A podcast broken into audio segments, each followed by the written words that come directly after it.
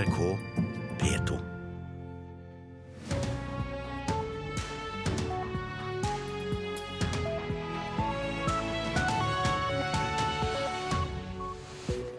Nyhetsmorgen fortsetter på P2 og Alltid nyheter med disse sakene. Donald Trump betalte 24% skatt i 2005, viser en lekket selvangivelse. Norge må avvise tyrkiske politikere som vil drive valgkamp for president Erdogan her i landet, mener Fremskrittspartiets Christian Tybring-Gjedde. Og nederlenderne går til valg i dag. Og en mann som vil melde Nederland ut av EU, vil brenne Koranen og kaller marokkanere for avskum, kan få mange stemmer. Riktig god morgen, jeg heter Kari Ørstavik. President Donald Trump betalte i 2005 38 millioner dollar i skatt av en inntekt på 153 millioner. Det viser to sider av hans selvangivelse som ble offentliggjort av fjernsynskanalen MSNBC i går kveld. Trump har til nå nektet å offentliggjøre selvangivelsene sine. De to sidene fra Donald Trumps selvangivelse i 2005 ble sendt anonymt til den prisvinnende gravejournalisten David K. Johnston, som valgte å gjøre innholdet kjent overfor et større publikum gjennom fjernsynskanalen MSNBC. He paid 24%. You know who pays 24% in this country? Married couples with two incomes, like my wife and I, who make about $400,000 a year. Han betalte 24% i skatt. Hvem betaler det her i landet? Gifte par med en samlet inntekt på 400 000 dollar per år. Han tjente 418 000 på en dag, sa journalisten David K. Johnston til MSNBC. I en uttalelse fra Det hvite hus i går kveld ble tallene bekreftet. Dokumentene utgjør en liten brøkdel av en amerikansk selvangivelse, men viser altså at Donald Trump betalte totalt 38 millioner i skatt av en inntekt på 153 millioner i 2005. De to sidene inneholder også skattereduserende avskrivninger som følge av tap på 100 millioner dollar, ifølge nyhetsbyrået Reuters. Fra før er det kjent at Trump i 1995 førte inn et tap på 916 millioner dollar i selvangivelsen, et tap som åpnet for kraftig redusert skatt i mange år etterpå. Men ingen kjenner detaljene. Hvor han har inntektene fra, eller hvem han har betalt penger til. For som første president siden Nixon holder han fast på at selvangivelsen ikke skal offentliggjøres. Groholm, Washington. I Buskerud er hjelpemannskap i ferd med å evakuere en gruppe videregående elever etter et snøskred. Elevene skulle overnatte utendørs i telt og snøhuler ved Bukketjørnet i Ål kommune, men etter skredet blir de, blir de altså evakuert. Ingen er skadet eller savnet.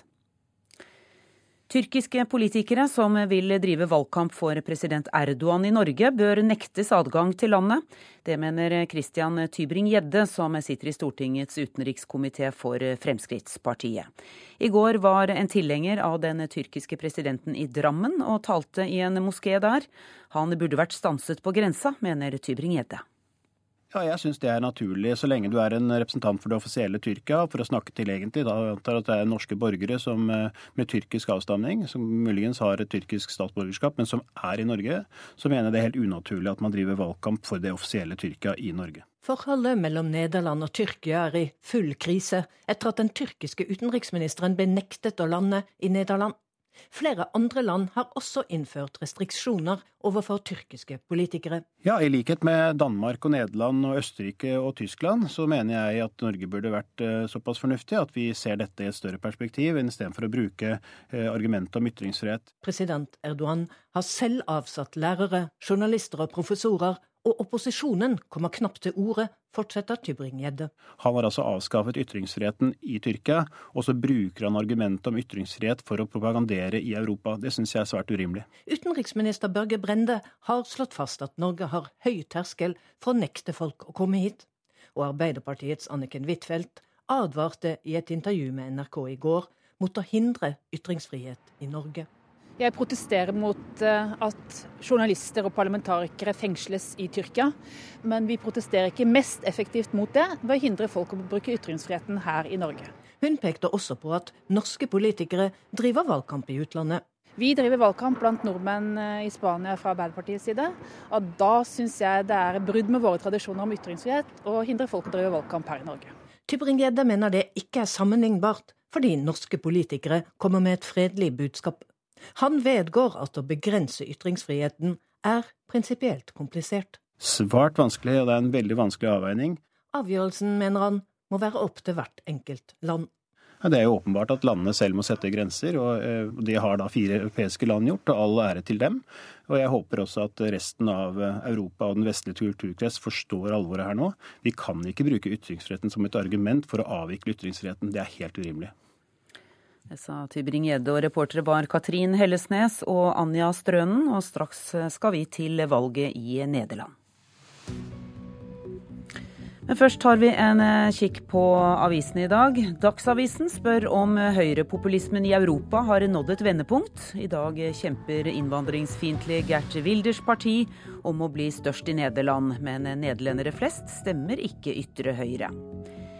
Flere nye boliger kan gi billigere boliglån, står det på forsiden av Dagens Næringsliv. Økt boligbygging kan dempe prisveksten og gjøre det lettere for Norges Bank å holde renta lav. VG skriver at en intern rapport om Idrettsforbundets IT-satsing slo alarm om millionsluk. 20 millioner i minus på tre år, står det. Og at én av tre i Idrettsforbundet jobber med IT.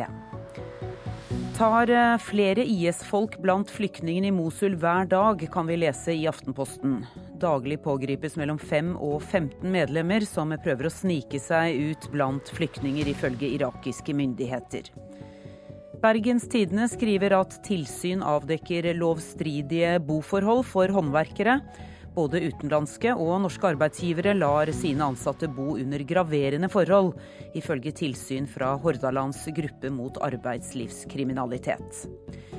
Rune Olsø varslet sent i går kveld at han trekker seg som lederkandidat for eh, Sør-Trøndelag Arbeiderparti, skriver Adresseavisen. Stavangers påtroppende biskop er bekymret for kirkas tillit, ifølge Dagen. Har vi virkelig råd til å snakke hverandre ned så mye, spør han. Dagbladet skriver at kvinner taper på ny pensjonsordning. Tar et jafs av Lammeberget, står det i Nasjonen. Norgesgruppen har inngått avtale med Nortura om å selge 1000 tonn mer lammekjøtt i år. Og nye produkter skal friste forbrukerne til å velge lam. Arbeiderpartiets eh, Else-May Botten har fått forsideoppslag i Klassekampen i dag. Hun er skeptisk til utsalg av Aker Solution, og krever at Stortinget må få si sitt. Og i Nordlys kan vi i dag lese om et par som har hatt eh, kloakkvann i springen i seks år. I dag går altså nederlenderne til valgurnene etter en av de mest splittende valgkampene i Nederlands demokratiske historie. Nederlands mest kjente satirikere tar i et intervju med NRK et oppgjør med det han mener er en misforstått nostalgi, som i altfor stor grad har fått prege valgkampen. Well, I think in general there's some false nostalgic towards other periods in our past. If you ask people what decade you want to return to? What decade you want to go back to? You want to go back to the 50s? I wouldn't want to go back to the 50s. It was a shitty period. 60s, 70s, whatever. maybe 90s. I mean, I was, I was a teenager, so that was fun. But Arjen Lubak har en stund vært riksklovn og kjendis i Nederland.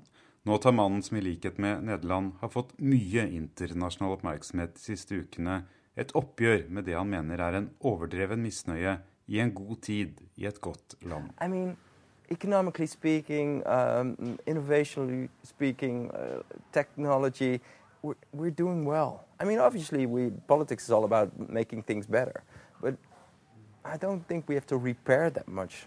We have to make things even better. I'm, maybe I'm a little too optimistic, but that's my feeling. Lubak og gjengen bak programmet Sontak med Lubak gjorde i januar en egen vri på innsettelsen av president Trump. Brått var de en viral, global hit. Folk i redaksjonen sa ganske enkelt ja, vi forstår at det er Amerika først, men kan vi si Nederland nummer to? Videoen fikk raskt en tysk, dansk og mange andre varianter. Welcome to this introduction video about the Netherlands. It's going to be a great video. It's going to be absolutely fantastic.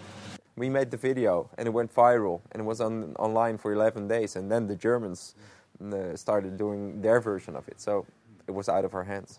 We speak Dutch. It's the best language in Europe. We've got all the best words. All the other languages failed. Danish, total disaster. Arjen Lubak sier han først og fremst er en klovn. Ikke journalist, ikke politiker. Men han mener klovnen har fått en ny plass i samfunnet etter Trumps seier i USA og høyrepopulismens fremmarsj i Europa.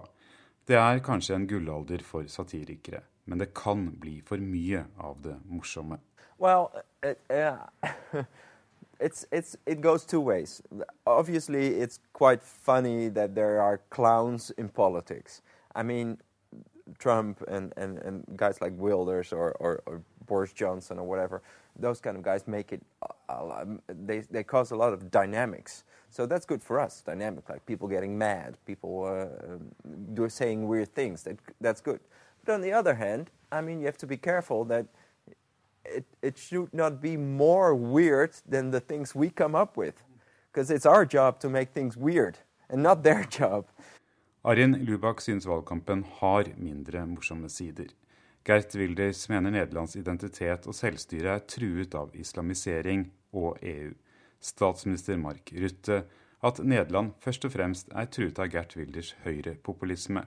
Lybak er ikke enig med noen av dem. Sure, times times are scary, and and, and if if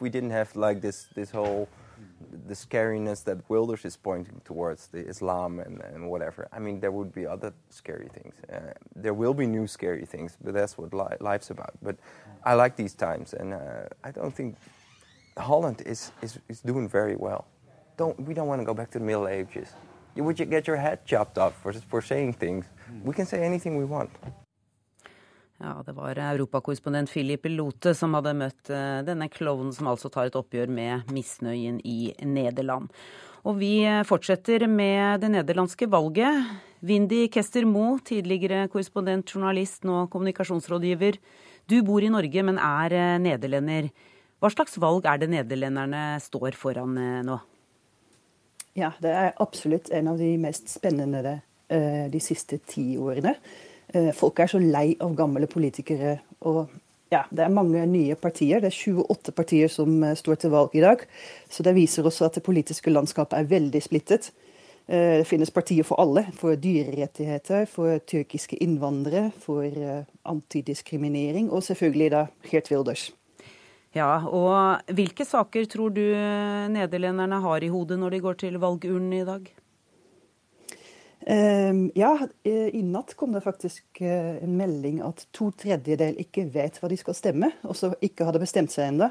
Så jeg tror det er veldig mange som går rundt eh, i dag og vurderer om de skal stemme taktisk, for eller imot Wilders. Ehm, ja. Hva er det som er viktige temaer da for nederlenderne? Du nevnte jo at det er et parti for enhver smak der, men hvilke saker er vesentlige? Um, ja, som vi hørte i det innslaget før, at eh, det går jo veldig bra med Nederland med lav arbeidsledighet. Og det går økonomisk bra. og Folk har rett og slett mye å tape. og Det betyr kanskje at de er litt redde. og Derfor er det veldig mange partier som har sånne spørsmål om EU. Skal det bli tettere integrering, eller skal det bli et nexit som, eh, som eh, alternativ til brexit? Identitet er et veldig stort tema. Ehm, skal nasjonalsangen stå på læreplanen? Ehm, skal det være strengere krav til integrering? Slike temaer er ganske mye debattert i det siste. Og Gert Wilders han eh, vil altså melde Nederland ut av EU. Han vil brenne Koranen, kaller marokkanere for avskum. Og, og, dette er altså en mann som kan få mange stemmer ved, ved valget. Mange ser jo på Nederland og nederlendere som eh, både liberale og tolerante. Stemmer ikke det lenger? Ja, vi liker å se på oss selv som åpne og tolerante og direkte og liberale. Og jeg tror at mange som stemmer på de venstreorienterte partiene, eh, fortsatt gjør det. Men Wilders bruker det også veldig smart, for han sier jo at det er islam som truer disse verdiene. Så han sier egentlig hvis du ikke vil at muslimene kommer til Nederland og truer vår identitet, da må du stemme på meg. Så det er egentlig begge sider som bruker ja, de verdiene til seg selv. Men hvem er den altså Det er jo mange som ikke vil vedkjenne seg at de stemmer på Wilders, da, men hvem er de som stemmer på han, tror du? Ja, det er jo sånn at Wilders kan få 15% av alle stemmene. Så det er 85 som ikke stemmer på han, bare for å gjøre det helt klart. Men det er veldig tydelig en, en kamp, ja, elite mot de som kanskje ikke har så høy utdanning og høy inntekt. det er ganske tydelig by mot landsby. At de store byene stemmer mer på venstreorienterte partier. Ehm, ja, han, han, treffer noen folk som er misfornøyd, og eh, får, endelig får lov til å si hva de mener. Mm. Har du merket uh, generelt at nederlendere har gått i en mer høyrepopulistisk retning de siste årene? Um, ja, det tror jeg nok. Jeg kan si at retorikken har blitt veldig mye hardere de siste ti år. Uh, før var det sånn at man stemte på, på høyre side hvis man var misfornøyd med høye skatter. Eh, eller ville ha søndagsåpne butikker. Og nå er det liksom det politiske korrekte er lagt bort. Eh, det er mye mer, eh, mye mer akseptert å si hva du, hva du føler. Du, til slutt, Vindi Kestemo. Du skal stemme i dag og har gitt faren din fullmakt til å stemme for deg. Var det vanskelig å ta et valg? Ja, det er mange steder hvor valglokalene har åpnet nå. Um, og jeg har lenge tenkt om jeg skal stemme taktisk, men jeg tror det er best å ha litt is i magen og bare til slutt stemme det som jeg alltid har gjort. Godt valg, Vindy Kester Mo. Du hører på Nyhetsmorgen i NRK P2 og Alltid nyheter. Klokka er 6.49. Eh, Dette er hovedsaker i nyhetene i dag. Forsikringsselskapene avdekket i fjor flere forsøk på grov svindel enn tidligere. Petroleumstilsynet advarer en hel oljebransje etter gasslekkasjen på Mongstad i fjor. Og tyrkiske politikere som vil drive valgkamp for president Erdogan i Norge, bør nektes adgang til landet, mener Fremskrittspartiets Christian Tybring-Gjedde.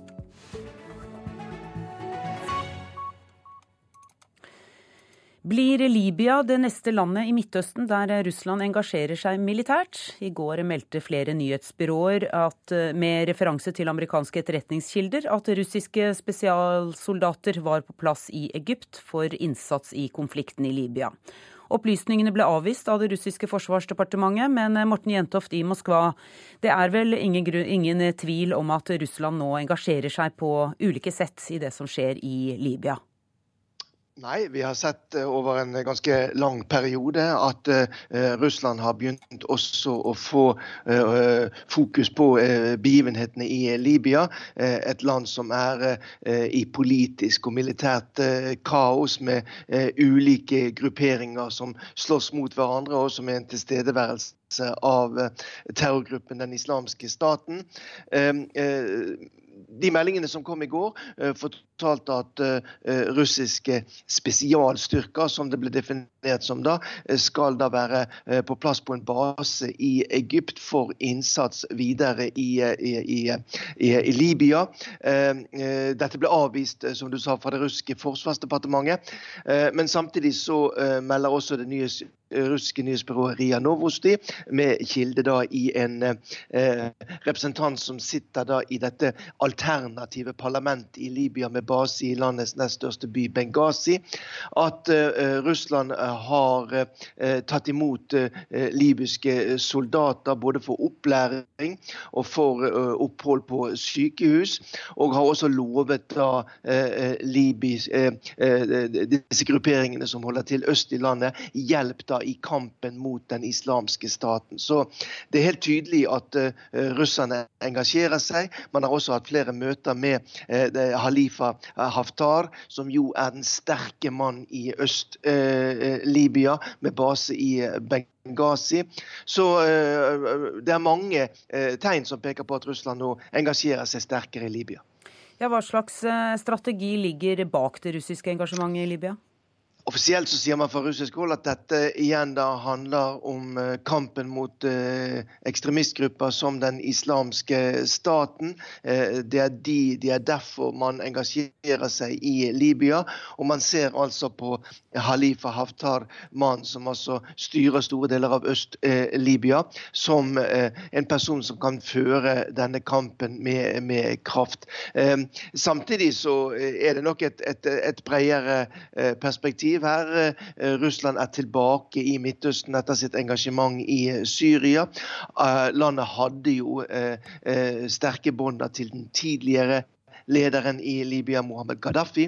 Og det er nok eh, noen av disse kontaktene som man ønsker å eh, gjenopprette og, og, og, sikre seg også innflytelse i, i, i, i Libya.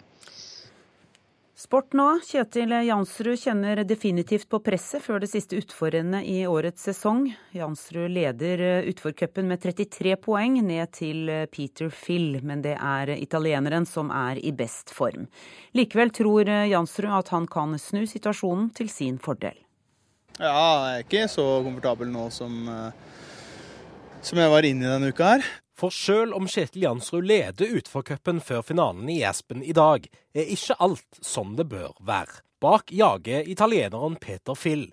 Han viser storform før utforcupen skal avgjøres, og var raskest på den andre treningen i utforløypa tirsdag. Jansrud var på sin side 77 hundredeler bak Fill på treninga, og mener det forteller mye om tingenes tilstand. Eh, nå kjørte jo Peter fantastisk bra på Kvitfjell også, eh, men allikevel eh, følte jeg det litt raskere. Det er jo en trasé som i utgangspunktet burde passe meg ganske fint. Rolig gli på toppen og, og veldig teknisk eh, nedover. Men jeg har egentlig ikke fått helt eh, ikke fått å stemme helt på de treningene sånn som jeg ønsker. Og planen i hodet og Vi har hatt en god plan eh, både med trener og analyseapparatet. Eh, har jeg ikke klart å gjennomføre sånn som jeg ville. Eh, og det er litt eh, Det ikke er sånn veldig bekymringsfullt, så er det i hvert fall en et sted som jeg ikke ønsker å være. Han er kanskje ikke favoritt til seieren i Aspen, men Jansrud er definitivt klar til å slå tilbake når det i dag står mellom han og Phil om utforcupen totalt. Phil har jo vært rask, så um, sånn sett så kan du si at presset er jo på han nå, for å ha vist at han kan ta det. Så det meg, setter meg i en angrepsposisjon, egentlig, så det er litt deilig. Reporter var Erik Sergio Auklend. Nasjonalbiblioteket i Oslo er eh, vernet både innvendig og utvendig av Riksantikvaren. Byantikvaren har likevel tillatt at bygget endres innvendig, og det skal bl.a. bygges en kafé der. Både Fortidsminneforeningen og forskere med arbeidsplass ved biblioteket protesterer kraftig mot planene, og har klaget til Byantikvaren. Ja, Det som fryktes skje, er jo det som er i ferd med å skje. Det sier Svein Solhjell i Fortidsminneforeningen. Noe av det kan tenkes å være reversibelt, noe vil sikkert bli forandret for alltid. Men det å endre selve innholdet her til en ja, kafeteria, eller hva det skal bli for noe, det vil, eh, sammen med de fysiske tiltakene, det vil endre dette fullstendig. Nasjonalbiblioteket i Oslo skal bygges om for å gjøres mer attraktivt for publikum. Blant annet skal det bygges en kafé i andre etasje. Fortidsminneforeningen frykter at dette kommer til å gå utover det vernede bygget. Disse rommene egner seg nok ikke særlig godt for å være kafé og, og myldreområder og slikt noe, fordi at det er harde vegger og høyt under taket osv., som sikkert gir gjenklang. I love coffee, I love tea. I love the java jive and it loves me.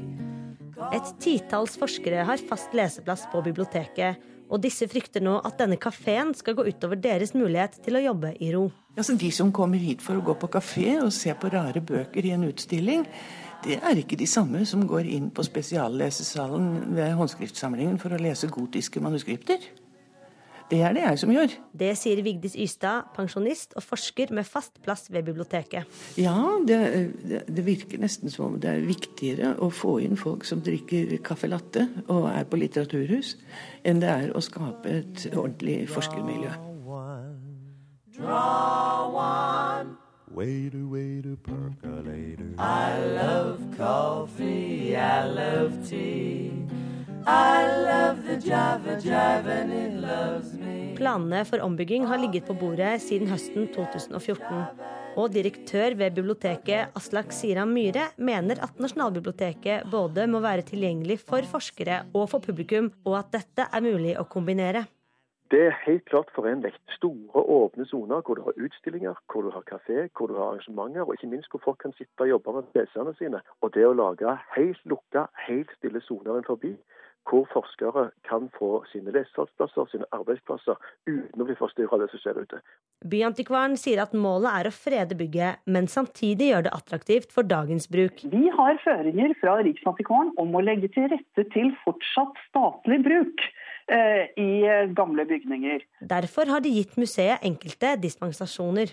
bibliotek har jo egentlig alltid vært en type utvikling. Og Det det bl.a. er snakk om, er at det er ikke lenger aktuelt å drive og eh, for besøkende å lete gjennom eh, gamle mikrofilmer. Det er for lengst passé. Sånn at da er det plutselig Skal man da la eh, bord og stoler bare stå der tomme, eller skal man bruke det arealet på en fornuftig måte? A cup, a cup, cup. Reportere var eh, Mari Sandmalm og Tanita Vassås Kveino. Onsdagsværet fram til midnatt. Aller først, det er eh, uvær på fjellet i Sør-Norge, og ingen av øst-vest-overgangene er åpne for normal trafikk. Østlandet og Telemark vestlig liten kuling utsatte steder. Minken utover dagen. Mulighet for spredte snøbyger i nord. Agder vestlig liten kuling utsatte steder. Eh, stiv kuling, sterk kuling fra Lindesnes og vestover. Regn og snøbyger. Fjell i Sør-Norge vestlig sterk eh, kuling utsatte steder. Liten storm i høyfjellet. Snøbyger i vest og nord. Rogaland vest og nordvestlig opp i sterk kuling på kysten og i fjellet. I ettermiddag minkende og liten kuling på kysten. Regn og snøbyger. Hordaland vestlig stiv kuling på kysten og i fjellet. I formiddag minkende til eh, liten kuling på kysten. Regn og snøbyger. Sogn og Fjordane vestlig stiv og periodevis sterk kuling utsatte steder. Regn og snøbyger. Møre og Romsdal vestlig stiv og periodevis sterk kuling utsatte steder. Regn og snøbyger. Trøndelag vestlig liten storm utsatte steder. Kan hende full storm på kysten. Regn, sludd og snøbyger. Nordland dreining til vestlig sterk kuling utsatte steder. Regn, sludd og snøbyger. Troms minking til sørlig frisk bris utsatte steder. Sludd eller snøbyger. Og Finnmark sørlig liten kuling i kyst- og fjordstrøkene. I ettermiddag dreiende sørvestlig opp til økende til stiv kuling i vest. Og perioder med sludd og snø. Og på Spitsbergen økning til nordøstlig stiv kuling utsatte steder. I nord periodevis nordlig sterk kuling, perioder med snø. NRK P2. Donald Trumps selvangivelse fra 2005 er lekket. Norge bør ikke slippe inn tyrkiske politikere som vil drive valgkamp for president Erdogan, mener Fremskrittspartipolitiker.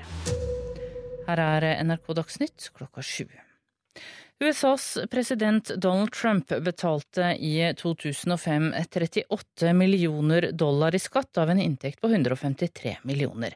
Det viser to sider av hans selvangivelse som ble lekket til fjernsynsselskapet MSNBC i går kveld. Trump har til nå nektet å offentliggjøre selvangivelsene sine. Nei, jeg syns det er en uh, veldig dårlig idé. Jeg mener at uh, tyrkiske myndigheter må holde seg for gode til å sende sine representanter for å drive valgkamp og propaganda i, i Norge og andre europeiske land.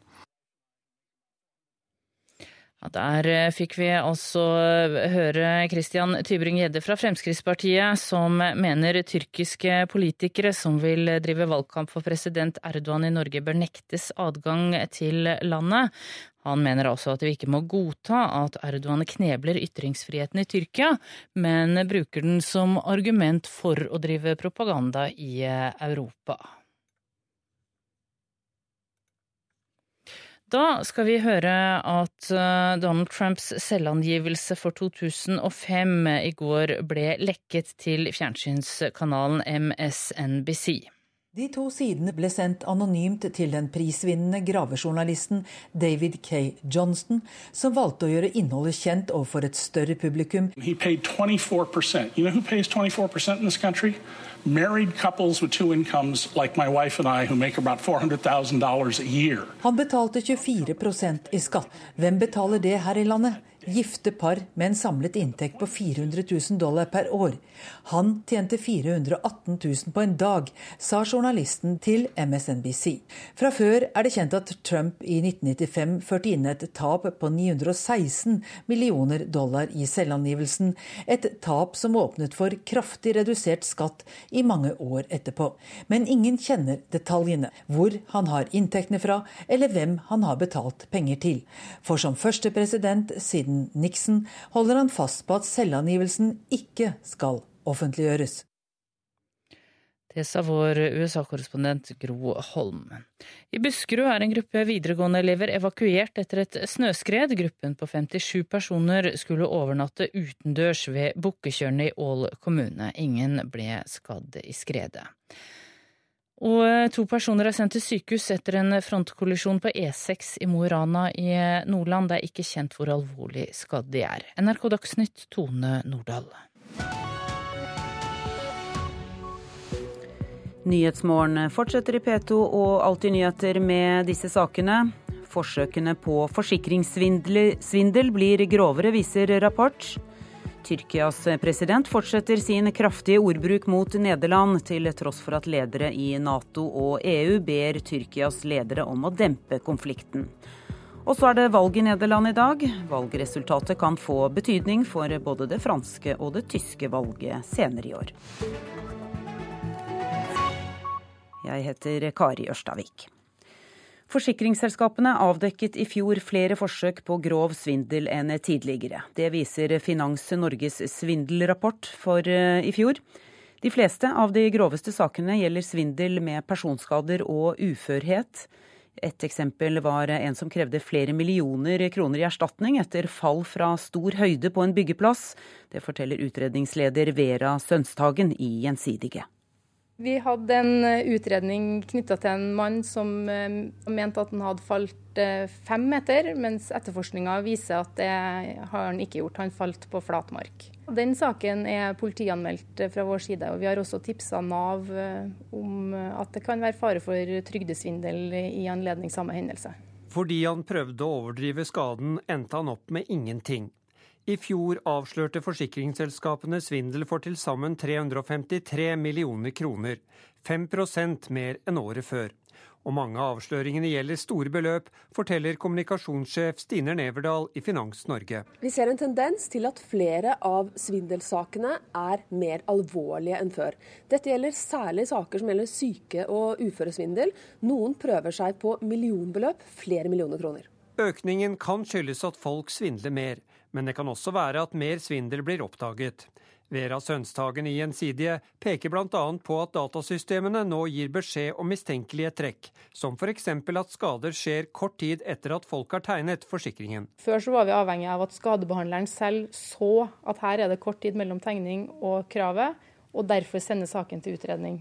Mens eh, nå så vil vi ha systemer som fanger opp at her er det kort tid mellom tegning og skaden, og saken går videre direkte til oss for vurdering da, av om det er en sak som bør utredes eller ikke. Selv om svindel med personskade og uførhet utgjør de største beløpene, er det likevel flest av de små sakene. Mange dikter f.eks. opp tap av gjenstander, sier Sønstagen. Vi har eh, etterforska en sak der en kunde meldte hagemøblene sine stjålet. Og så fant vi bilde på nettet av hagemøblene som skal ha vært tatt etter at han meldte hagemøblene stjålet og krevde erstatning fra oss.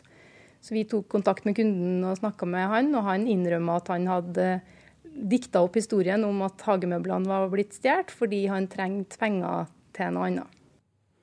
Reporter var eh, Tom Ingebrigtsen. Og psykolog Anders Skuterud, hva er det som får oss til å svindle? Det er nok så enkelt som at anledning gir tyv. Men vi må jo ha med at det er ikke så veldig store svindelpenger dette her i forhold til helheten. Eh, sånn at det er ikke så gærent med oss. Og så er det to ting.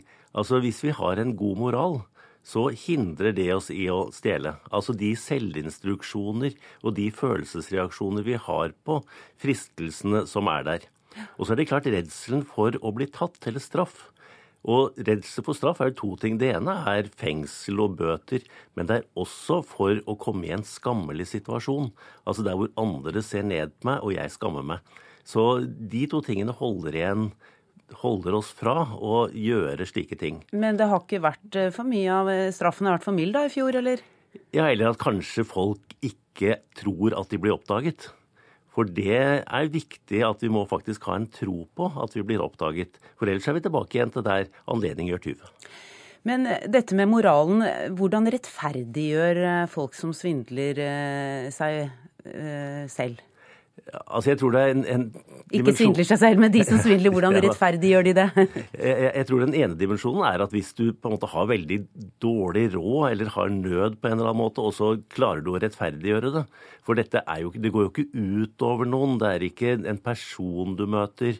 Det er et eller annet abstrakt selskap, og det er et, et, et, et eh, ikke-personlig foretak en tenker at den rammer. Og da er det mye lettere, det er mye vanskeligere å stjele fra naboen enn det er å stjele fra en slik institusjon som et forsikringsselskap er, eller fra staten. Så hvis vi skal unnlate å gjøre dette, så må vi tro at vi blir tatt.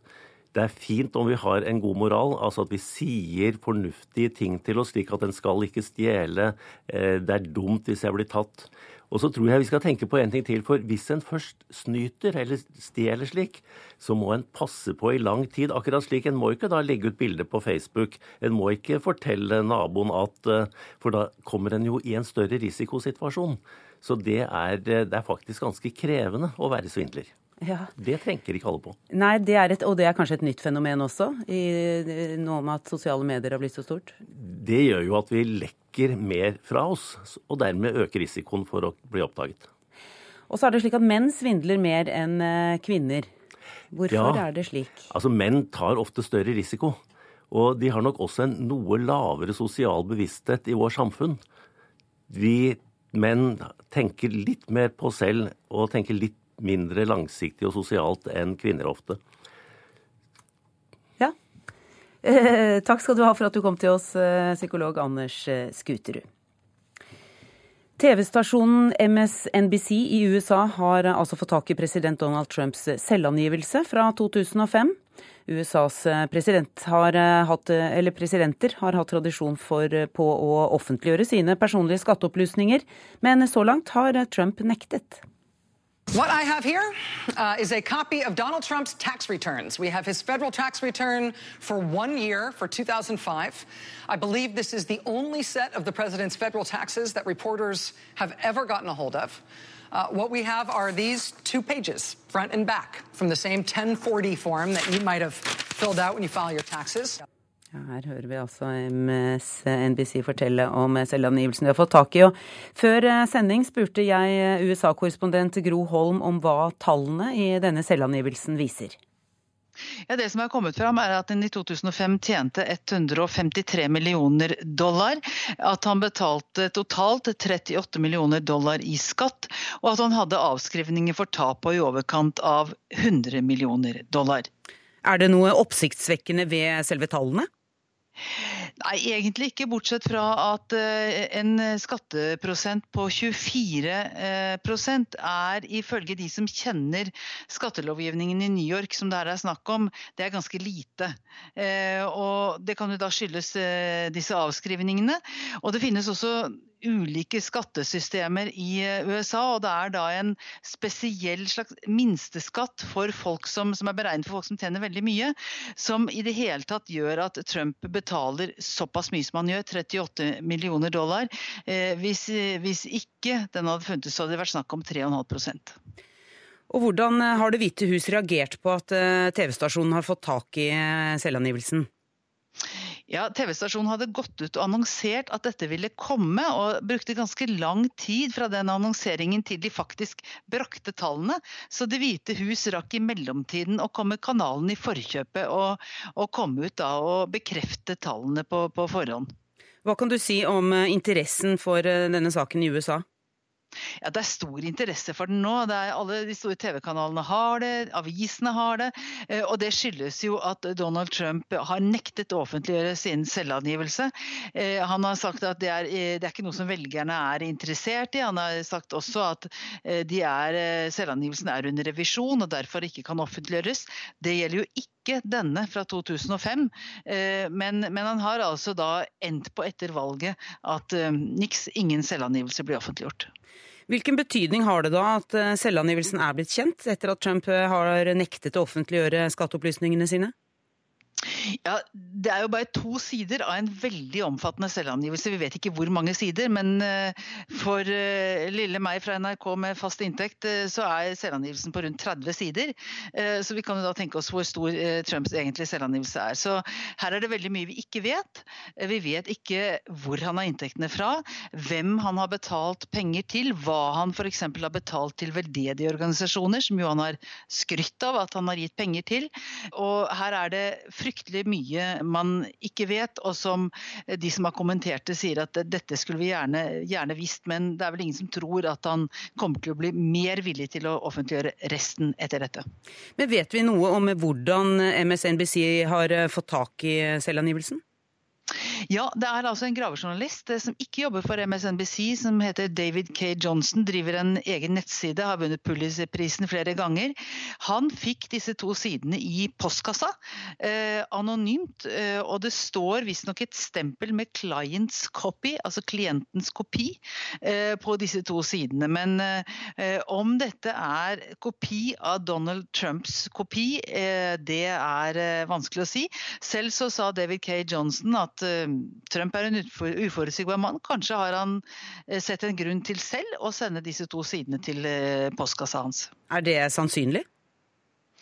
Vel, jeg tror kanskje ikke det er så veldig sannsynlig. Det er i hvert fall vanskelig å se hva som skulle vært motivet akkurat nå. Annet enn jo, dette viser jo da at han faktisk har betalt eh, mange millioner i skatt. Så kanskje har han hatt et behov for å vise det. Det kan jo være en begrunnelse, eventuelt. Til slutt, Groholm, Gro Holm, hvem kan ha hatt interesse av å lekke opplysningene hvis det ikke er Trump? Nei, Det er veldig vanskelig å si, for dette er jo ikke veldig kompromitterende opplysninger. Eh, det er, det er ingenting her som virker som det no, er noe lovstridig eller, eller veldig kritikkverdig. Eh, det sies jo også da i uttalelsen fra Det hvite hus at Trump har betalt eh, akkurat så mye skatt som han må ifølge loven, ikke mer. Så, så her er det vanskelig å si at noen har gjort dette for å ramme Trump. Du hører eh, på Nyhetsmorgen. Klokka er 7.14. Eh, Dette er eh, hovedsakene våre. Forsikringsselskapene avdekket i fjor flere forsøk på grov svindel enn tidligere. Tyrkiske politikere som ville drive valgkamp for president Erdogan i Norge, bør nektes adgang til landet, mener Fremskrittspartiets Christian Tybring-Gjedde. Og Petroleumstilsynet advarer en hel oljebransje etter gasslekkasjen på Mongstad i fjor. Nederlenderne går til eh, valgurnen i dag. Det er eh, nærmest dødt løp mellom høyrepopulistiske Gert Wilders og regjerende statsminister Mark Rutte. Og korrespondent Philip Lote, du er med oss fra et valglokale i Haag. Hvordan er eh, stemningen der i forkant av valget? Det er jo for øvrig Haag der parlamentet er og regjeringen sitter. Ja, For noen få minutter siden så gikk valgfunksjonærene ut og satte ut uh, skilt som viser retningen til uh, stemmelokalene på denne grunnskolen da, i en forstad til uh, Haag. og de legger ut valgkampmaterialer. og klokken ni så er det ventet at lederen for det ytterliggående høyrepartiet PVV, Gert Wilders, vil komme hit og avgi sin stemme. Eh, det er eh, ventet eh, forholdsvis altså Det er knyttet spenning til hvor stor valgdeltakelsen vil bli. og Særlig de som da har mobilisert mot Geit Wilders, de håper jo på en høy deltakelse blant unge. Fordi at der har han lavere oppslutning. Mens, mens Geert Wilders håper jo at de sakene han har klart å sette på dagsorden, Eh, pengebruk, eh, forholdet til EU, altså at han vil ta Nederland ut av EU. Eh, og også forhold til integrering og innvandring, flyktningpolitikk. At det er saker som vil mobilisere hans støttespillere, og at de vil vise seg være lojale oppimot han helt fram til siste stemme er avlagt sent i kveld. I går var det partilederdebatt i Nederland. Hva kom ut av den? Det var mange av de samme sakene som preget dette. Det er veldig mange partier i Nederland. Det er 14 14 partier som ligger an til å komme inn i parlamentet. Og for at alle skulle komme til orde, så hadde de satt opp forskjellige dueller to og to mellom de forskjellige partilederne. Og det var mange av de samme sakene. En sak som nederlenderne er veldig opptatt av, er helse og eldreomsorg. Eh, det er saker som eh, partiene til Høyre og også Geir Wilders er veldig opptatt av å sette på eh, dagsorden. Mens partiet Gron Links, altså som er lenger til venstre, var ganske alene om å snakke om en mer omsorgsfull flyktningepolitikk. Men det er en sak hvor de henter en del unge stemmer på, men hvor eldre nederlendere er langt, langt mer skeptisk. Og der fikk den unge fremadstormende venstrepolitikeren Jesse Klaver egentlig ganske liten støtte, men han tok et ganske eh, markant ståsted her. Så, så det er de eh, tre hovedfigurene som har markert seg i dette valget. Det er Geir Wilders, Jesse Klaver og statsminister Mark Rutte. Og veldig mye av fokuset vil være på disse tre i, i, løpet av dagen og i kveld. For det er de som på en måte har både må forsvare seg og også kan flytte velgermassen mest i dette valget. Takk skal du ha, Philip Leote. Vi skal til eh, professor i sammenlignende politikk ved Universitetet i Bergen, Frank Aarebrot. Velkommen til Nyhetsmorgen. Du er eh, med oss fra Minde. Ja, god morgen, god morgen. Andre partier nekter å samarbeide med Gert Wilders. I stedet gjør de stadig mer av politikken hans til sin egen. Og vi har allerede vunnet valget, sier Wilders til mediene i dag. Har han det? Vel, det er jo den samme utviklingen som vi har i alle europeiske land. at den, den høyrepopulismen i Europa har jo da drevet de andre partiene i en mer, uh, mer skal vi si, restriktiv retning når det gjelder flyktningpolitikk. Men om det er høyrepopulismen eller om det er presset på flyktninger pga. situasjonen i Syria og andre steder som er årsaken til det, det kan jo man diskutere. Wilders eh, vil ha Nederland ut av EU. Han hevder Vesten er i krig med islam. Han vil brenne Koranen, har kalt marokkanere for avskum og vil stenge grensene for muslimer. Hva er den viktigste grunnen til at denne mannen har nådd så langt eh, i det mange tenker på som et liberalt og multikulturelt samfunn? Det er noe av det også en del av det. Det er veldig mange forskjellige grunner. Fra folk som er genuint eh, opptatt av at de ikke liker fremmede blant seg, til folk som er misfornøyde av andre grunner og som gjerne vil liksom eh, straffe eliten i landet med å stemme på en outsider. Men det er interessant at uh, slike velgere forandrer seg også i Nederland, som de gjør det i Norge. Altså da Pim Fortaun, den for, forrige store ytre høyre-lederen i, i, Nederland, i hans velmaktsdager, så fikk han først som en stemmer fra storbyene. Gert Wilders parti får først stemmer fra landsbygda. Så altså proteststemmene har flyttet på seg fra byene til landsbygda. Og særlig da den katolske landsbygda i sør, der det var veldig få som stemte på, det, eh, på Pim Fortauns parti. Der er det ganske mange som stemmer på Gert Willers parti. Hele 28 partier deltar eh, i dette valget, og mange av dem eh, ligger an til å komme inn også. Blir det en langdryg prosess her før regjeringen er på plass? Ja, Det kan du si med 100 sikkerhet, for det har det blitt nesten etter hvert eneste valget helt etter annen verdenskrig. Nederland, pga. den ekstreme proporsjonaliteten, altså at prosenten partiet får, blir også prosenten av mandater de får, så fører jo det til at det aldri er noe parti i Holland som kan regjere alene. Og Det betyr at alle regjeringer etter krigen har vært koalisjonsregjeringer. Og gjerne koalisjonsregjeringer som består av fire eller fem partier. Og Nederland har europarekord når det gjelder forhandlingslengde før de danner en ny regjering etter et valg. Det er bare Belgia som bruker lengre tid enn hollenderne. Og hvis eh, Wilders og hans parti får eh, stor støtte, hva vil det kunne bety for det franske valget senere denne våren? Altså det, denne smitteeffekten har jeg ikke så veldig mye tro på. Det som betyr noe i politikken, er tross alt å vinne og få makt. Og nederlenderne, altså Wilders har ingen mulighet til å få makt i Nederland. Eller like lite som alternativ for Deutschland har det i Tyskland. Det eneste valget som er spennende, er det franske valgets, presidentvalgets andre omgang. Hvis Le Pen går videre, og det gjør hun sannsynligvis. Der er det mulighet. For kan, når du har bare to valg, så kan alle misnøyesvelgere, uansett motiv, samles som én kandidat. I Nederland finnes det flere andre konkurrerende misnøyespartier til Vildas. Så er du misnøyd med, med landbrukspolitikken, så kan du stemme på et annet parti. Syns du at eh, Israel-politikken er for slapp, så kan du stemme på et knallhardt eh, kalvinistisk parti. Takk. Da må vi sette strek ved Frank Aarbrot. Takk for at du mm, mm, mm. Eh, var med oss. Tyrkias president eh, Erdogan oppfordrer Europas tyrkiske minoriteter om å stemme på de partiene som best tjener Tyrkia. Dere er mine statsborgere, sier han. Presidenten fortsetter sin kraftige ordbruk mot Nederland, til tross for at ledere i Nato og EU ber Tyrkias ledere om å dempe konflikten. Utenfor Nederlands konsulat i Istanbul er det surt og kaldt om dagen. Både fordi det regner, men også fordi bevæpnet politi vokter jernringen av sperringer utenfor smijernsporten til den ærverdige gule bygningen. Om det var riktig å bryte alt politisk samarbeid med Nederland nå. Sanksjoner er aldri nok. Det er helt uakseptabelt å oppføre seg slik mot Tyrkia, så vi bør vise sterke reaksjoner, sier Murat Øzer til Reuters. Han er en av mange som er fornærmet over at Nederland nektet to tyrkiske ministre å komme inn i landet for å drive valgkamp. Både EU, Nato og flere europeiske ledere har bedt partene om å dempe ordbruken. Men det bryr president Erdogan seg ikke om nå. Tyrkia er ingen vanlig nasjon. Nederlenderne vil anerkjenne oss til slutt, sa Erdogan i Ankara i går. Og han fortsatte.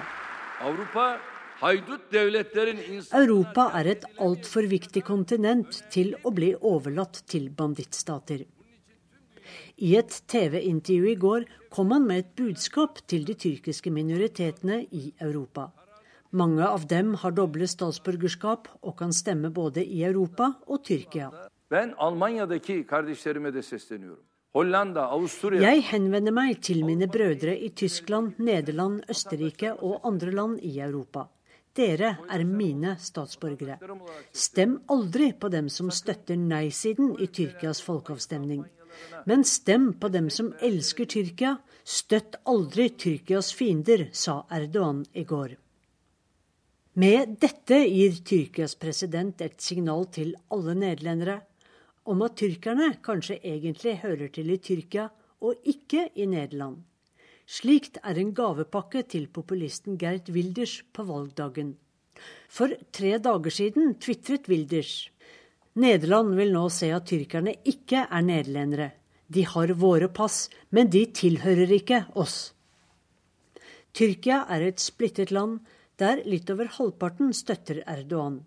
Den andre halvparten er bekymret, som kommentator i avisen Horiet Semi Idis. Det store bildet er urovekkende. Det forteller oss at Tyrkia driver bort fra Europa i full fart. Videre mener Idis at Tyrkias ledere ikke forstår skadeeffekten av å bruke ordet nazist. Tyrkia opplevde aldri grusomhetene fra den tiden. Derfor er det så lett å kaste rundt seg med karakteristikker som nazi eller fascist. Tyrkiske politikere har rett og slett ikke den kulturelle sensitiviteten som begrenser slik ordbruk, skriver kommentator Semi Idis. Det sa vår Istanbul-korrespondent Sissel Wold. Vi ser på avisene. Dagsavisen spør om høyrepopulismen i Europa har nådd et vendepunkt. I dag kjemper innvandringsfiendtlig Gert Wilders parti om å bli størst i Nederland, men nederlendere flest stemmer ikke ytre høyre. Flere nye boliger kan gi billigere boliglån, står det på forsiden av Dagens Næringsliv. Økt boligbygging kan dempe prisveksten og gjøre det lettere for Norges Bank å holde renta lav. VG skriver at en intern rapport om Idrettsforbundets IT-satsing slo alarm om millionsluk. 20 millioner i minus på tre år, står det. Og at én av tre i Idrettsforbundet jobber med IT. Tar flere IS-folk blant flyktningene i Mosul hver dag, kan vi lese i Aftenposten. Daglig pågripes mellom 5 og 15 medlemmer som prøver å snike seg ut blant flyktninger, ifølge irakiske myndigheter. Bergens Tidende skriver at tilsyn avdekker lovstridige boforhold for håndverkere. Både utenlandske og norske arbeidsgivere lar sine ansatte bo under graverende forhold.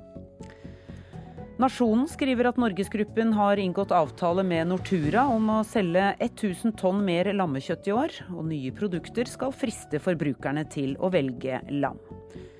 Og Arbeiderpartiets Else May Botten har fått forsideoppslag i Klassekampen i dag. Hun er skeptisk til utsalg av Aker Solution, og krever at Stortinget må si sitt.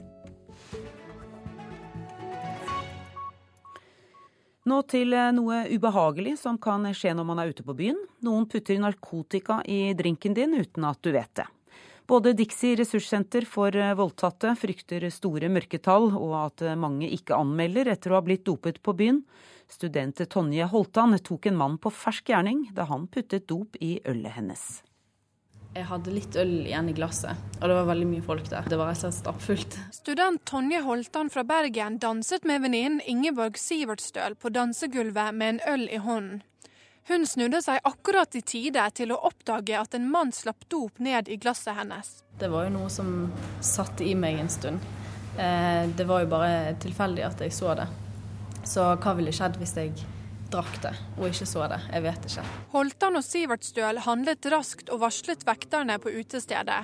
De kastet mannen ut av lokalet. Monica Mørk, leder for ungdomsseksjonen ved Bergen sentrum politistasjon, bekrefter at de får inn få anmeldelser. Nei, Det er ikke ofte vi får sånne meldinger, men eh, det har skjedd. Presseansvarlig ved Dixie ressurssenter for voldtatte, Lisa Arntzen, mener også det er store mørketall når det gjelder antall jenter som blir dopet ned på byen.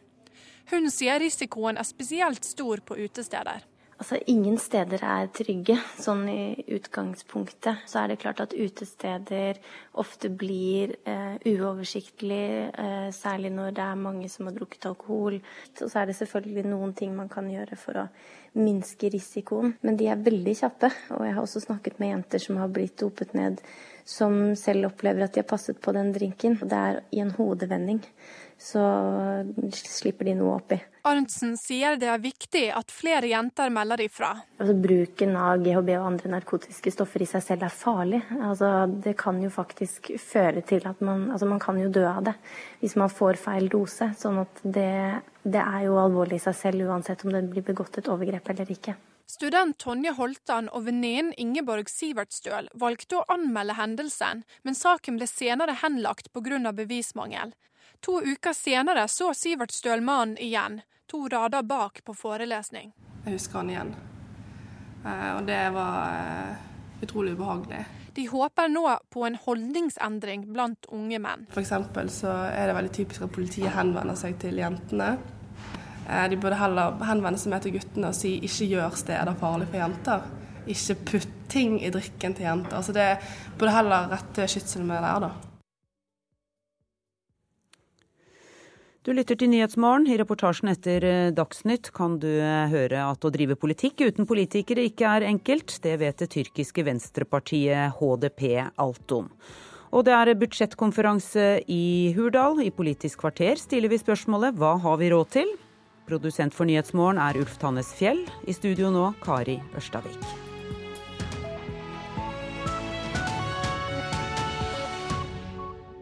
NRK P2. Forsikringsselskapene avdekker flere grove forsøk på å svindle til seg erstatning. Norge bør ikke slippe inn tyrkiske politikere som vil drive valgkamp for president Erdogan, mener Frp-politiker. Og Donald Trumps selvangivelse fra 2005 er lekket. God morgen, her er NRK Dagsnytt klokka 7.30. Ja, forsikringsselskapene avdekket altså i fjor flere forsøk på grov svindel enn tidligere år. Det viser Finans Norges svindelrapport. De fleste av de groveste sakene gjelder svindel med personskader og uførhet. Et eksempel var en som krevde flere millioner kroner i erstatning etter fall fra stor høyde på en byggeplass. Det sier utredningsleder Vera Sønsthagen i Gjensidige. Vi hadde en eh, utredning knytta til en mann som eh, mente at han hadde falt eh, fem meter, mens etterforskninga viser at det har han ikke gjort. Han falt på flatmark. Fordi han prøvde å overdrive skaden, endte han opp med ingenting. I fjor avslørte forsikringsselskapene svindel for til sammen 353 millioner kroner, 5% mer enn året før. Og mange av avsløringene gjelder store beløp, forteller kommunikasjonssjef Stine Neverdal i Finans Norge. Vi ser en tendens til at flere av svindelsakene er mer alvorlige enn før. Dette gjelder særlig saker som gjelder syke- og uføresvindel. Noen prøver seg på millionbeløp, flere millioner kroner. Økningen kan skyldes at folk svindler mer, Men det kan også være at mer svindel blir oppdaget.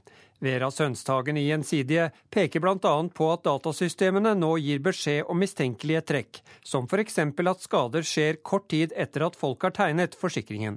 Selv om svindel med personskade og uførhet utgjør de største beløpene, er det likevel flest av de små sakene.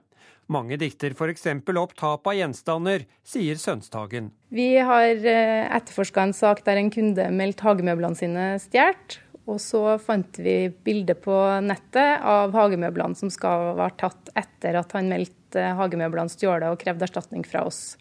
Så vi tok kontakt med kunden og snakka med han, og han innrømma at han hadde dikta opp historien om at hagemøblene var blitt stjålet fordi han trengte penger til noe annet. Reporter her var Tom Ingebrigtsen. Så til Nederland, der de fleste valglokalene nå har åpnet i dagens parlamentsvalg. De siste meningsmålingene tyder på at svært mange ennå ikke har bestemt seg for hvem de vil stemme på. Korrespondent Philip Lote, du er med oss fra et valglokale i Haag. Hva kan det bety for høyrepopulisten Gert Wilders at mange ikke har bestemt seg ennå? Det er litt usikkert hva det betyr for han eller for så vidt de andre partiene. Vi står utenfor det valglokalet hvor han kommer til å avgi sin stemme omtrent klokken ni i dag. Den åpnet for noen få minutter siden, og allerede så er det eh, en liten eh, kø her, her sånn. Eh, det er såpass mange som 54% som for tre-fire dager siden sa at de ikke helt visste hvem de skulle stemme på. At de hadde plukket ut tre eller fire partier som kunne være aktuelle. Og så var det 15% som sa de ikke visste visste i det hele tatt hvem de skulle stemme på. Eh, partiene til, lenger til venstre, de som eh, har eh, prøvd å mobilisere størst motstand mot Geit Wilders og hans politikk, de håper på høy deltakelse fra de unge, for de tror at de i større grad vil stemme mot Gert Wilders, mens Gert Wilders håper jo at hans fokus på innvandring, flyktningepolitikk, islams plass i Nederland, og også eh, forholdet til EU, hvor han mener at nederlandske penger eh, forsvinner inn i et stort svart hull, vil mobilisere velgere som er litt eldre, og som da vil kunne gjøre at han har en mulighet til fremdeles å kjempe om å bli det største partiet i Nederland. Takk skal du ha, Philip Lote med oss fra Haag. Tyrkiske politikere som vil drive valgkamp for president Erdogan i Norge, bør nektes adgang til landet. Det mener Christian Tybring-Gjedde, som sitter i Stortingets utenrikskomité for Fremskrittspartiet. I går var en tilhenger av den tyrkiske presidenten i Drammen og talte i en moské. Han burde vært stanset på grensen, sier Tybring-Gjedde.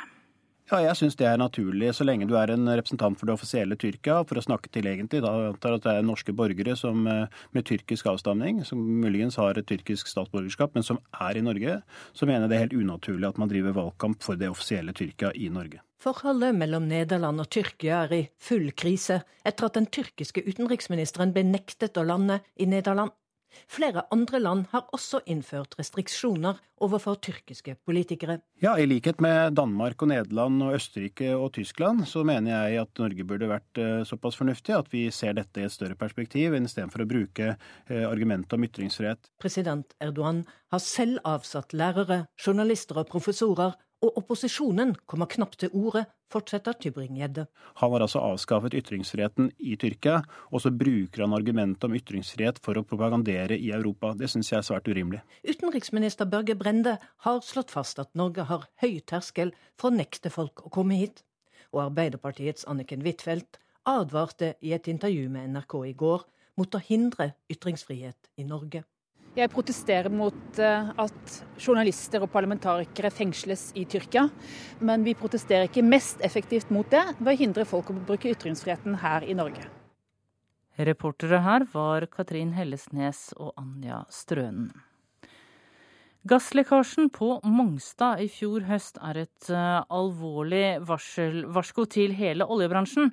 Det mener Petroleumstilsynet etter å ha gransket den alvorlige hendelsen på Statoils oljeraffineri.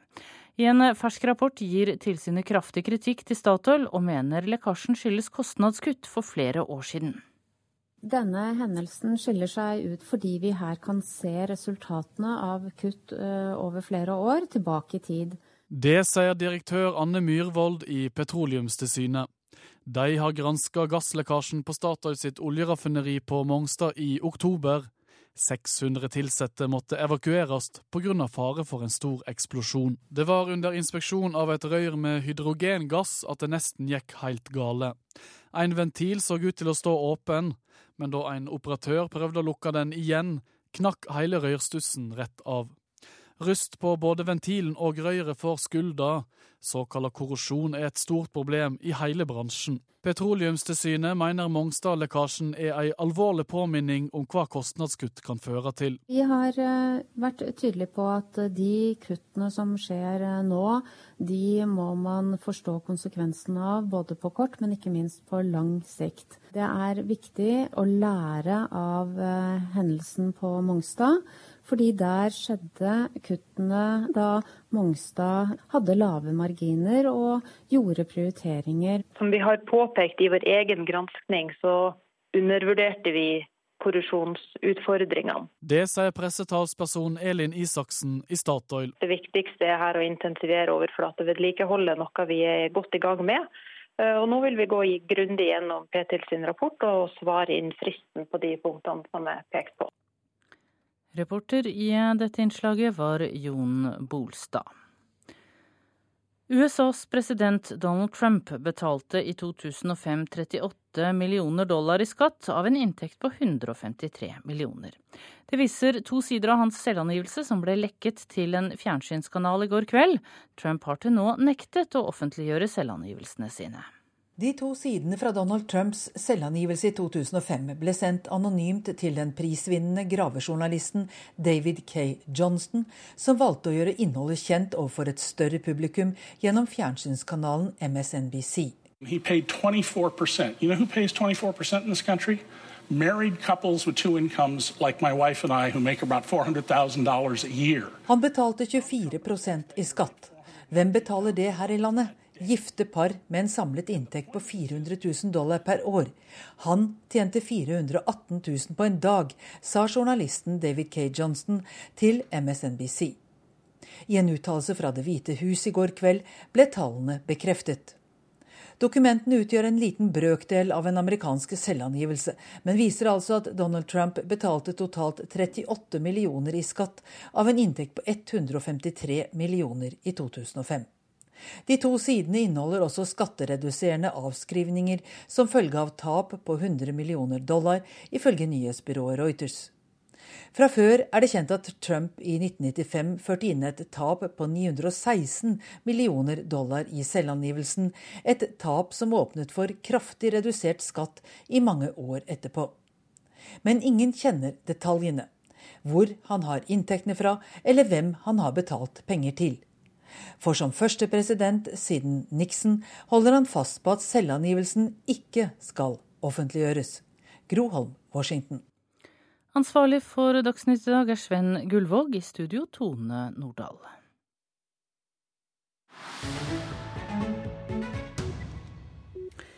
Og her på P2 og Alltid nyheter skal vi til Tyrkia nå.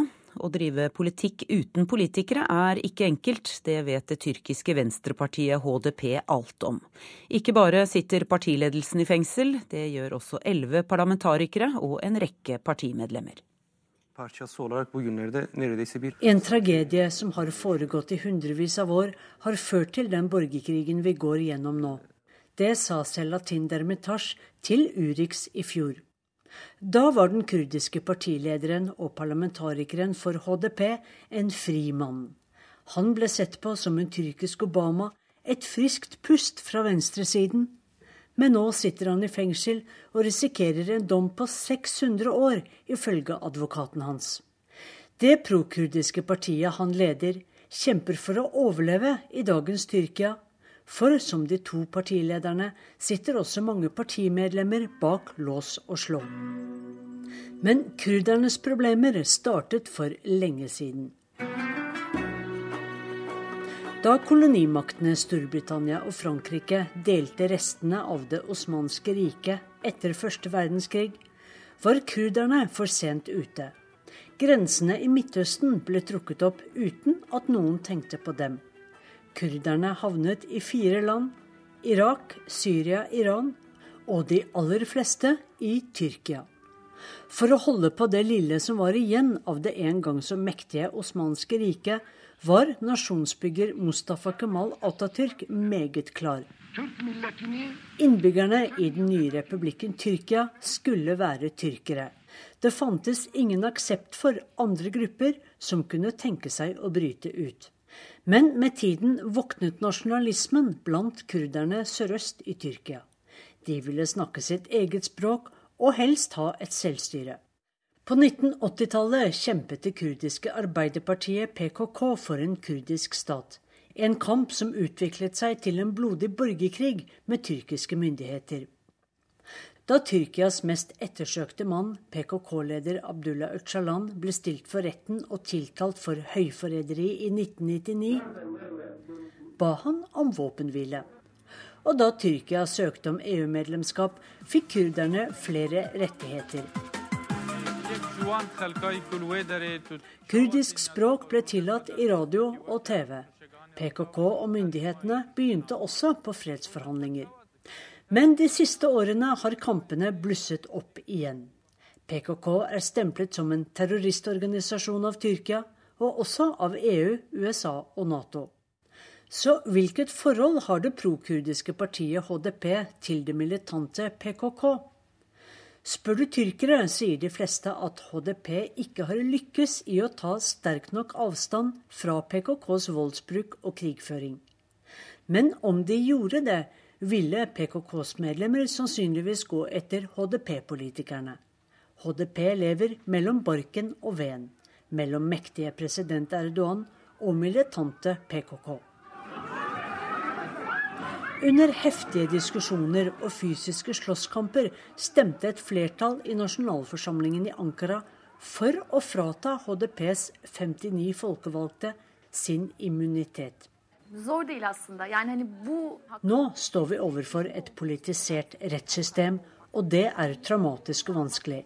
Men vi tror og håper dette er en periode som vil gå over, og at rettferdigheten vil seire til slutt, sier Dermitash sin forsvarer til NRK. Det kurdere flest håper på, er en fredsavtale mellom PKK og den tyrkiske staten. Tyrkias rundt 15 millioner kurdere skulle ønske at roen snart kunne senke seg sørøst i landet. Det var eh, Sissel Wold som rapporterte fra Ankara. Du hører på Nyhetsmorgen. Klokka er 7.44. Dette er hovedsakene våre nå. Flere forsikringskunder forsøkte seg på grov svindel i fjor. Det har forsikringsselskapene avdekket. Norge bør ikke slippe inn tyrkiske politikere som ville drive valgkamp for presidenten, Tayyip Erdogan. Det mener en stortingspolitiker fra Frp. Og USAs eh, president Donald Trumps selvangivelse fra 2005 er lekket.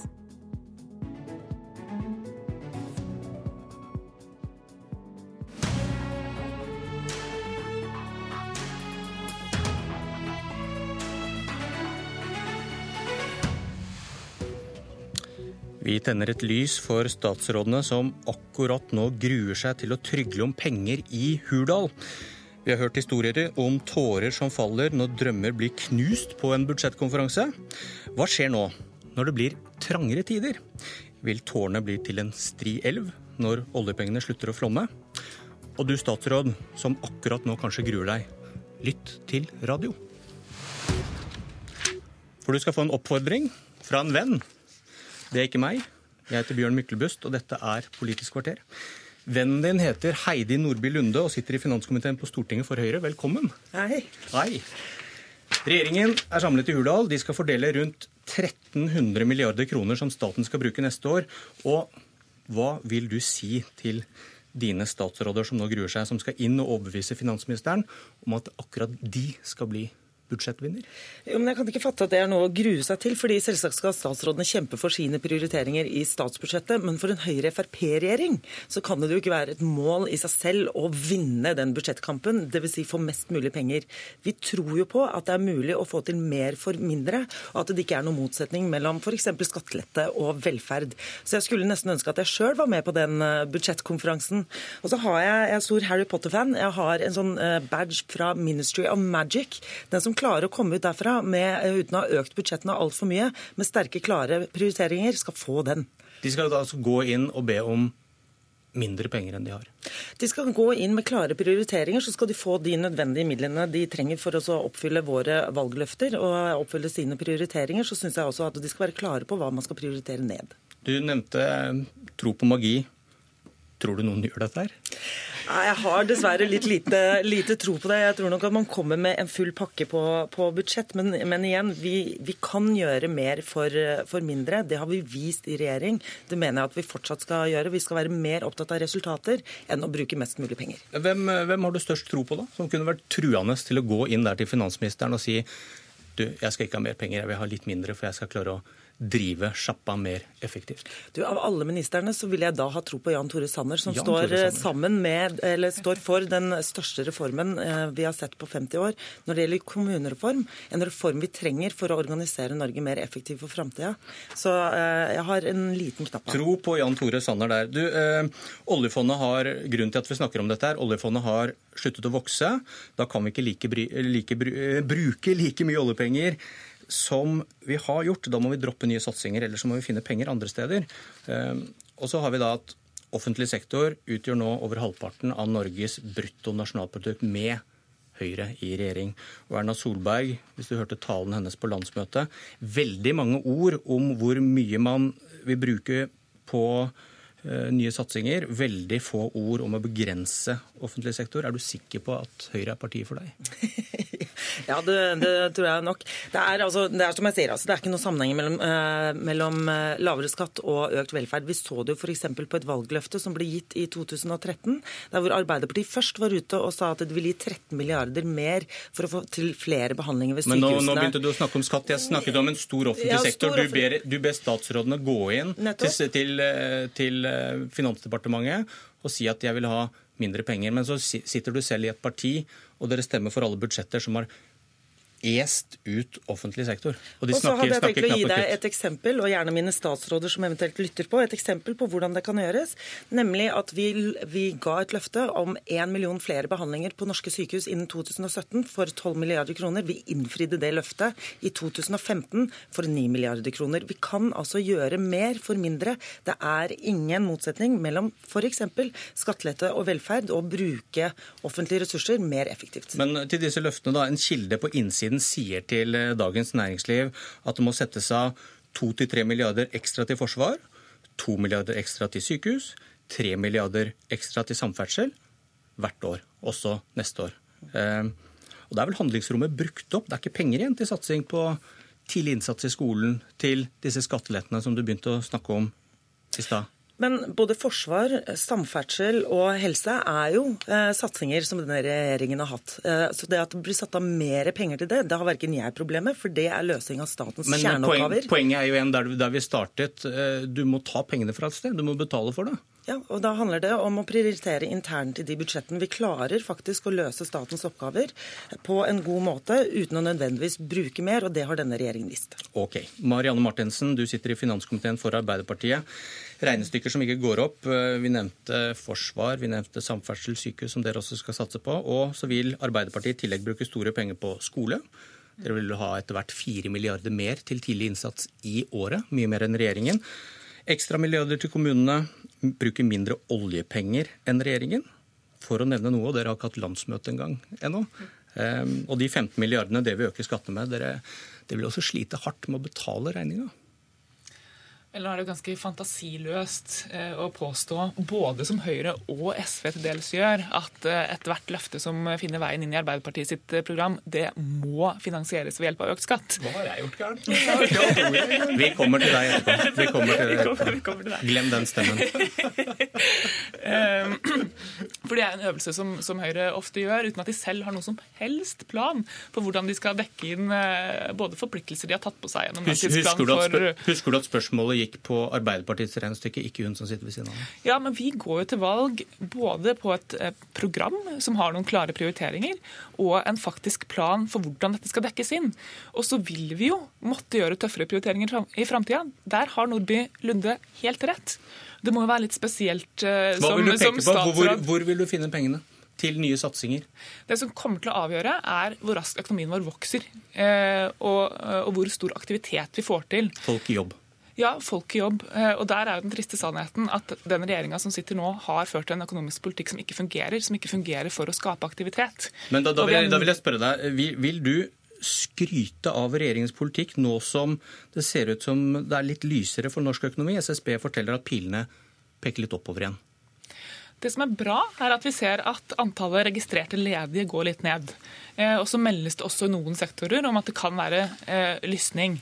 Men det jeg syns er veldig alvorlig, det er at ledighetsutviklingen ser ut til å ha gått inn i en ny fase. Men spørsmålet var, vil du, vil du, skryte av regjeringen? At det er deres Nei. fortjeneste at pilene snur nå? Nei, jeg vil ikke skryte av regjeringen. Selvfølgelig finnes det ting regjeringen har gjort riktig også. Men de store pengene har vært prioritert feil. Du, fordi de hvis... ikke har gitt, gitt, den aktivitetsøkningen som vi eh, burde ha fått ut av dem. De har stort sett gått til skattekutt i toppen, og det gir ikke det løftet i hele befolkninga som vi trenger. Men hvis jeg skal prøve å få det til å henge sammen. Hvis regjeringen var medansvarlig for at ledigheten var så høy, bør ikke, bør ikke de få noe æren når det snur? Da kan det ikke være sånn at da er det, da har det ikke noe med dem å gjøre, hvis det hadde noe med dem å gjøre når det faktisk gikk dårlig med ledigheten?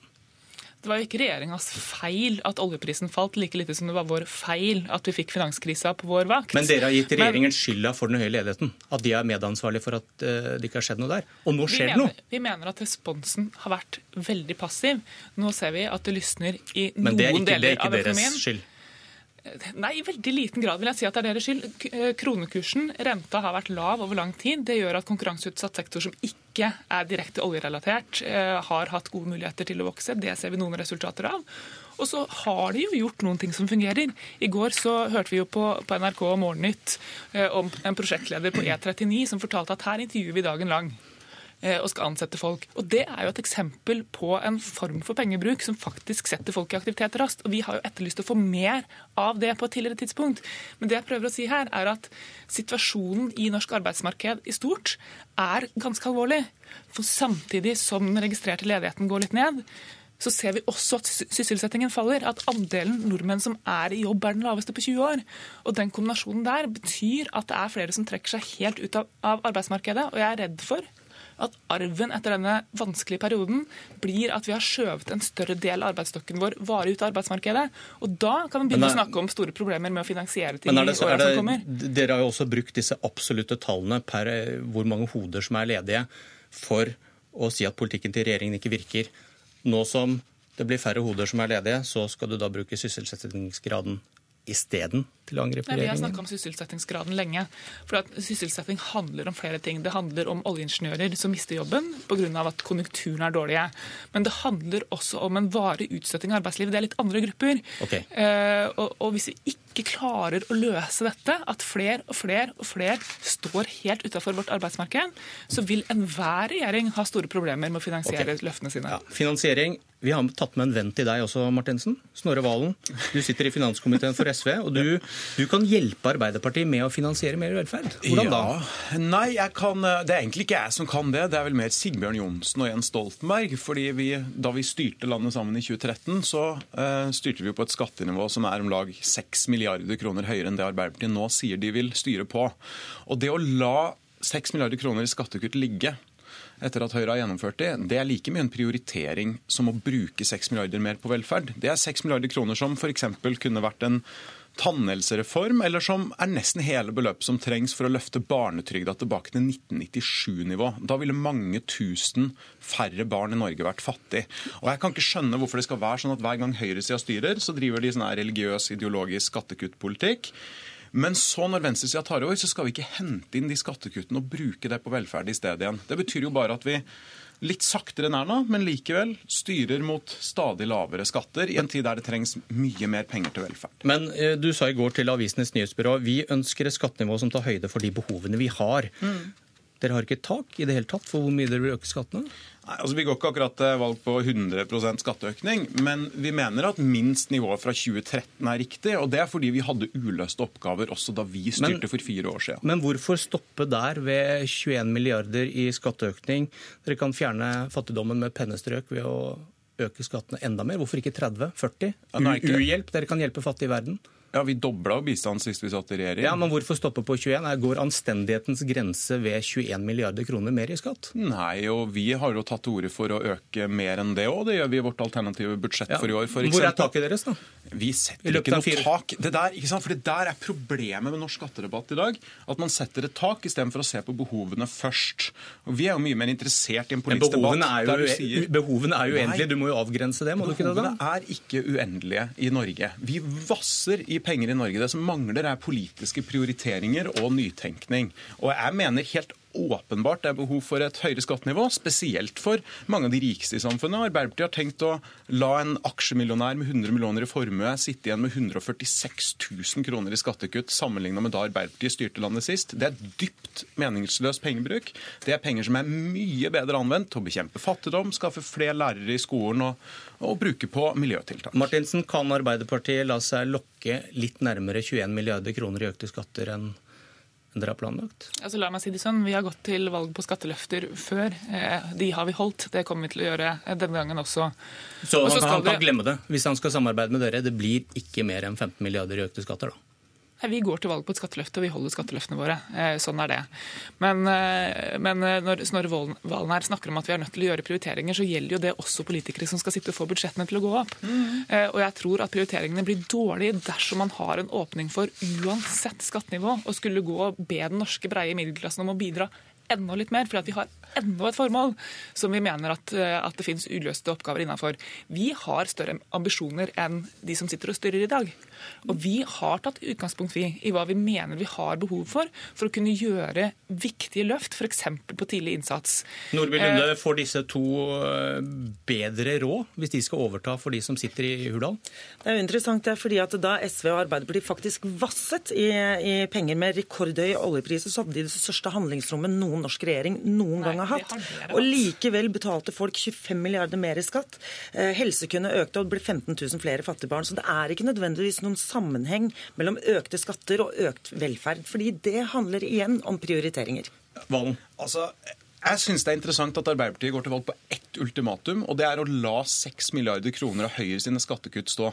Med SVs politikk så er det ikke den breie middelklassen som får skatteøkning. De betaler mye mindre skatt med vårt opplegg enn med Arbeiderpartiets, men det er aksjemillionærene som Arbeiderpartiet vil la betale 146 000 kroner mindre i året enn det de gjorde da Sigbjørn Johnsen var finansminister. Og det å legge seg til høyre for Jens Stoltenberg i skattepolitikken, det er ikke en ny ja, hvor, radikal hvorfor, retning for Hvorfor får de rikeste beholde disse skattelettene med dere? Med respekt, tull. Vi går til valg på å øke skattene for de med høyest formue og de, og, de, og de, med høyest inntekt. Og så har vi sagt at vi mener ikke at det er riktig i en vanskelig økonomisk situasjon hvor store lønnsgrupper har opplevd at de har hatt reallønnsnedgang, og gå til valg på å øke skatten for denne gruppa. Det er ikke økonomisk klokt. SVs politikk i motsetning til Arbeiderpartiets. Ingen er, ingen er enige, men vi er alle noens venn. Dette var Politisk kvarter. Jeg heter Bjørn Myklebust.